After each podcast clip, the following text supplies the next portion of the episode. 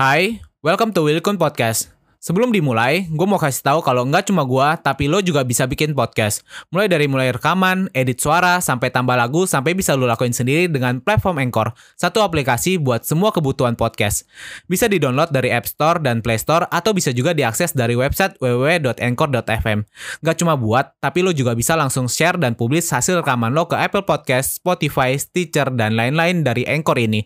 Yang paling penting, Anchor ini gratis. What's up guys, welcome back to my channel, Willy Kun Channel, dan dan selamat datang lagi di podcast cerita seram. Dan hari ini gue akan membawakan lagi satu kasus yang sangat sangat sangat sangat menarik di mana kalau biasanya kasus-kasus kejahatan itu kan biasanya dipercaya nama polisi kalau nggak detektif kalau nggak mungkin saksi yang berada di situ kan dia ngeliat kasusnya secara langsung dia bisa memberikan kesaksian nih jadi kasusnya itu pecah. Atau mungkin pada zaman zaman sekarang kasus-kasus seperti ini bisa dipecahkan dengan cara melihat CCTV kan. Nah tapi kali ini kasusnya unik banget di mana yang memecahkan kasusnya ini adalah korban korbannya yang sudah meninggal. Gimana caranya korban yang sudah meninggal itu bisa memecahkan kasus yang gak ada saksinya sama sekali gitu. Nah kasus ini terjadi kepada seorang wanita bernama Teresita Basa di mana arwahnya yang dia sudah meninggal itu merasuki seseorang dan memecahkan kasusnya sendiri. Bener-bener gak masuk logika kan kayak gimana caranya arwah yang sudah meninggal bisa memecahkan kasusnya sendiri gitu. So langsung aja kita ngebahas kasus mengenai Teresita Basa ini nih. Gimana caranya seorang arwah yang sudah meninggal bisa memecahkan kasusnya sendiri sendiri. Teresita Basa adalah seorang wanita keturunan Filipina yang lahir pada tahun 1929 dan akhirnya pergi ke Amerika pada tahun 1969 untuk sekolah musik. Tapi pada akhirnya dia itu bekerja menjadi seorang terapis di rumah sakit Chicago. Menurut keluarga dan orang yang mengenal Teresita Basa ini, dia adalah orang yang pendiam dan sederhana. Tapi pada suatu malam dia ini menjadi korban kejahatan. Di mana pada malam tanggal 21 Februari 1977, pemadam kebakaran dipanggil ke apartemen Teresita Basa ini di mana dikatakan di situ sedang terjadi kebakaran hebat. Akhirnya tepat pada pukul 9 malam pemadam kebakaran ke situ dan selesai memadamkan api. Yang uniknya ini mereka menemukan di bawah puing-puing apartemen Teresita Basa ini ada sebuah jasad atau ada seorang jasad yang tidak menggunakan pakaian lagi tertutup kasur gitu. Jadi dari penemuan ini akhirnya para pemadam kebakaran ini memanggil polisi karena sepertinya sih ini adalah kasus kejahatan yang dire direncanai karena polisi menemukan pada saat itu Teresita Basa ini tidak menggunakan pakaian sama sekali kemudian di dadanya ini tertancap sebuah pisau. Jadi polisi menduga pada saat itu oh mungkin kebakaran ini digunakan oleh uh, pelakunya untuk menutupi kasus kejahatan ini. Jadi kebakaran ini tuh sengaja dibuat oleh pelaku kejahatan ini dari penemuan ini, polisi sangat menduga Teresita Basa ini telah menjadi korban kejahatan wik-wik. Jadi pada saat itu kan kita ngelihat keadaan korban itu tidak menggunakan pakaian sama sekali kan. Tapi anehnya ketika di otopsi jasad si Teresita Basa ini, polisi tuh nggak menemukan tanda-tanda ada kekerasan dari korban wik-wik itu loh. Tapi malah polisi melihat ada beberapa luka lebam di sekujur tubuhnya ini, luka-luka lebam kecil. Nah di situ polisi cukup kesulitan karena pada saat itu juga polisi nggak berhasil menemukan barang bukti yang memadai karena keadaan apartemen Teresita Basa itu kan seperti yang kita ketahui telah terbakar habis kan. Di situ polisi cuma menemukan sebuah memo kecil di mana ada tulisan belikan tiket bioskop kepada seseorang yang berinisial AS. Nah, kalau ini kejadian tahun 1977 nggak ada CCTV sama sekali dan uh, inisial yang AS itu banyak banget, polisi tuh jadi sangat lebar gitu. Siapa terduga tersangkanya ini polisi tuh cukup sulit melihat ini ini siapa pelakunya. Tapi pada waktu itu memang polisi ini menduga ada dua orang yang menjadi pelaku kejahatan ini, yaitu seseorang yang ya sudah pasti inisialnya AS ini dan satu orang ini adalah kekasih atau bisa dibilang pacarnya si Teresita Basa. Karena menurut teman-teman dan orang yang mengenal Teresita Basa bersama kekasihnya ini, mereka berdua itu memang sering cekcok. Jadi polisi menduga ada dua orang yang bisa menjadi pelaku kejahatan Teresita Basa ini nih. Dan akhirnya setelah lima bulan kasus ini berjalan dengan bukti yang sangat sedikit sekali karena memang rumahnya Teresita Basa itu terbakar, nggak ada CCTV, keadaan waktu itu masih sangat ya bisa dibilang jadul lah 1977 polisi itu sangat kesulitan menetapkan siapa pelaku sebenarnya. Tapi uniknya pada saat itu juga ada seorang wanita bernama Remy yang garis keturunannya itu juga seorang Filipina dan rupanya adalah coworker atau bawahan Teresita Basa di rumah sakit sakit di situ, dia bersama suaminya menelepon polisi dan meminta polisi untuk datang ke rumahnya karena dia mengaku dia memiliki apa ya bisa dibilang ya memiliki bukti tapi bukan benar-benar barang bukti dia bisa memberikan kesaksian dari kejadian kasus Teresita Basa ini. Ketika polisi dan detektif pergi ke rumahnya Remy di situ ada suaminya juga yang bernama Joe mereka mengatakan mereka didatangi arwah Teresita Basa dan menceritakan semua kasus kejadian ini. Wah polisi sampai di situ ya benar-benar. Gimana ya? Pada saat itu ya cukup kaget kalau misalnya buktinya dia ngelihat kejadian itu polisi mungkin bisa langsung percaya. Tapi dibilang arwahnya Teresita Basa cerita ke Remy untuk uh, beri kesaksian kepada polisi. Ini kan sangat sulit dipercayai oleh polisi kan, tapi pada saat itu karena memang nggak ada bukti lainnya lagi, akhirnya polisi dan detektif mau mendengar dulu apa yang akan dikatakan Remy dan suaminya. Di sini Remy menceritakan setelah beberapa saat kasus Teresita ini terjadi, di situ dia sempat mendapatkan beberapa penglihatan dan didatangi di mimpi oleh sosok yang mengaku sebagai Teresita Basa. Di sini sosok Teresita Basa itu menceritakan dan memperlihatkan apa yang terjadi pada malam hari itu. Kemudian sosok Teresita Basa ini bahkan memohon kepada Remy untuk menceritakan kesaksian ini kepada kepolisian. Tapi ya pada waktu itu gimana caranya kok mimpi doang gimana cara ngomong ke polisi ntar dikira dia gila lagi. Tapi uniknya pada waktu itu suaminya si Remy ini yang bernama Joe juga memberikan kesaksian di mana ketika istrinya ini tidur tiba-tiba istrinya ini terbangun dan dia itu berbicara menggunakan suara orang lain. Jadi kan setiap orang itu punya ciri khas suara yang lain kan. Nah di sini suaminya udah biasa ngedenger suara Remy tiba-tiba suaminya ngedenger ada suara wanita lain yang berasal dari mulut Remy. Gimana dia nggak kaget? Dan akhirnya dia itu itu notice kalau itu adalah suara Teresita Basa. Nah, di sini sosok yang mengaku sebagai Teresita Basa itu juga memohon kepada si Joe ini agar kasusnya ini diaduin ke polisi. What's up guys? Sebelum kita lanjut, kenalan dulu yuk sama temen gua, namanya Anchor. Anchor ini adalah all-in-one podcast editing platform yang membuat gua lebih mudah untuk rekaman, edit suara, tambah lagu, dan segala hal dalam pembuatan podcast yang sedang lo dengerin kali ini. Anchor juga bisa jadi temen lu juga loh.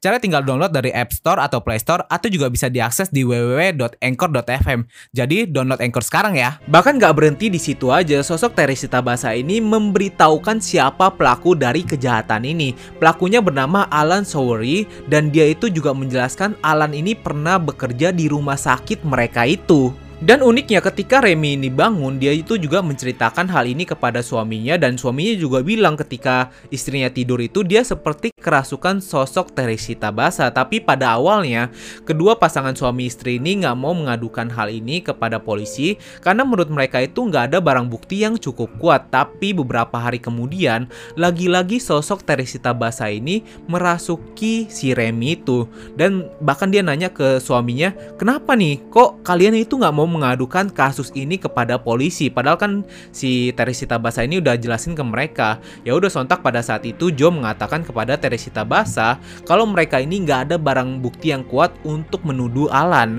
Dan akhirnya pada saat itu, coba kalian pikirin ya, Teresita Basa yang sosok yang mengaku Teresita Basa itu, dia bilang Alan Sorry ini telah mencuri perhiasannya dan memberikan perhiasan itu kepada pacarnya. Jadi mereka itu bukti-bukti sosok yang mengaku sebagai Teresita Basa itu memberikan bukti kepada pasangan suami istri itu. Dan akhirnya setelah mendengar hal itu dan mungkin ada bukti, pasangan suami istri ini memberanikan diri untuk mengadukan hal ini kepada kepolisian. Setelah mendengarkan hal ini, kepolisian dan detektif nggak bisa langsung percaya karena nggak mungkin lah ini di luar logika banget mereka mendengarkan hal ini.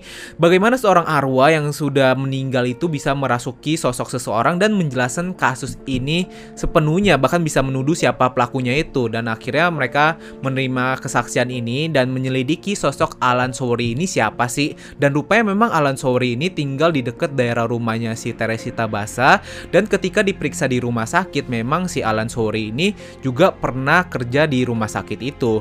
Bahkan polisi juga mengetahui diketahui pada malam itu sebenarnya Alan itu memang direncanakan akan pergi ke rumah Teresita Basa dan akhirnya setelah beberapa bukti yang dikumpulkan itu cukup cocok, akhirnya polisi memanggil Alan Sowery dan menanyakan beberapa pertanyaan. Polisi menanyakan pada malam itu apakah benar Alan dia itu pergi ke rumahnya si Teresita Basa dan pada saat itu Alan Sori mengatakan memang pada malam itu dia mau ke apartemen si Teresita Basa untuk memperbaiki TV-nya. Tapi ketika dia sampai di situ dia mencoba memperbaiki TV-nya, dia ini nggak ada suku cadang yang mencukupi dan akhirnya dia memutuskan untuk pulang lagi. Dia gagal memperbaiki TV itu.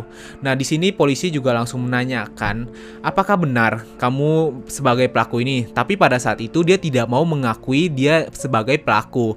Nah akhirnya polisi menanyakan kepada pacarnya si Alan Sowori ini, apakah Alan Sowori ini pernah memberikan perhiasan dalam waktu dekat-dekat ini.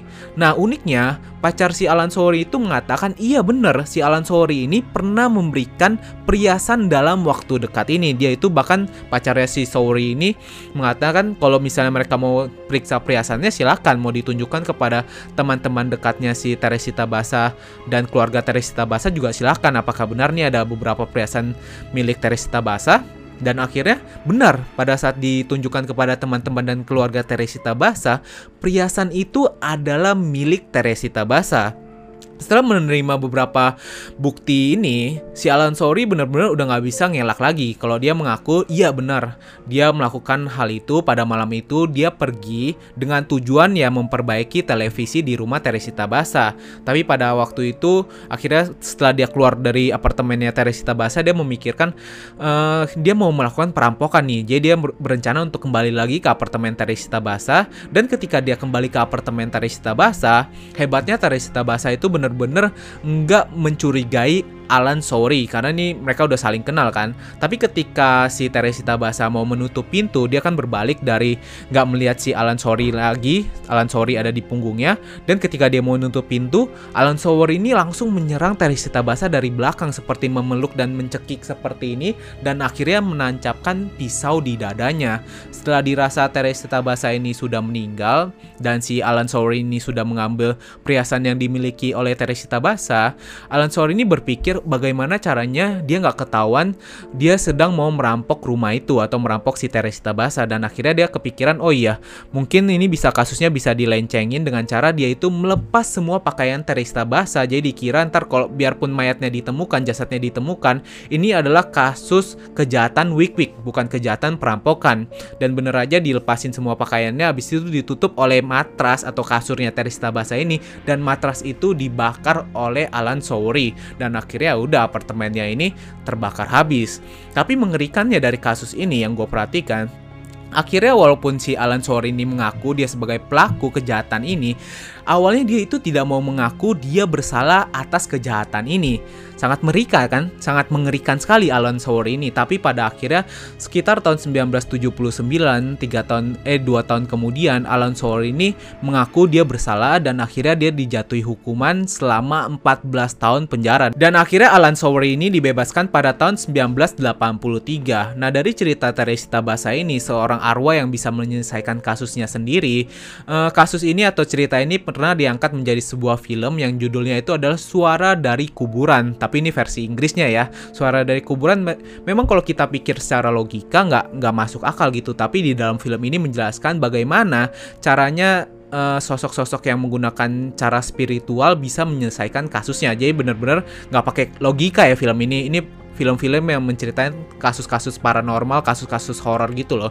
Nah kalau gue ngedenger kasus-kasus kayak gini juga, gue jadi kepikiran satu kasus yang ada di Indonesia dan gue sebenarnya juga nggak tahu ini merupakan urban legend atau kasus sebenarnya. Tapi kalau gue sebutin namanya kalian pasti tahu nih. Ini adalah kasus si manis jembatan Ancol.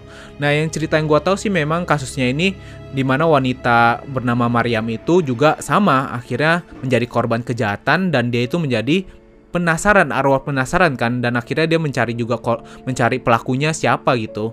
Dan ya kasus-kasus ini memang sering banget terjadi sekitar tahun 1990-an ke belakang gitu. Tapi kalau kita lihat dari tahun 2000-an sekarang kan udah jarang banget kasus-kasus seperti ini ya. Nah kalau menurut kalian gimana nih kasus-kasus seperti ini? Apakah mungkin uh, seseorang itu yang sudah sudah menjadi korban sudah meninggal arwahnya bisa kembali lagi dan menyelesaikan kasusnya sendiri? Apakah mungkin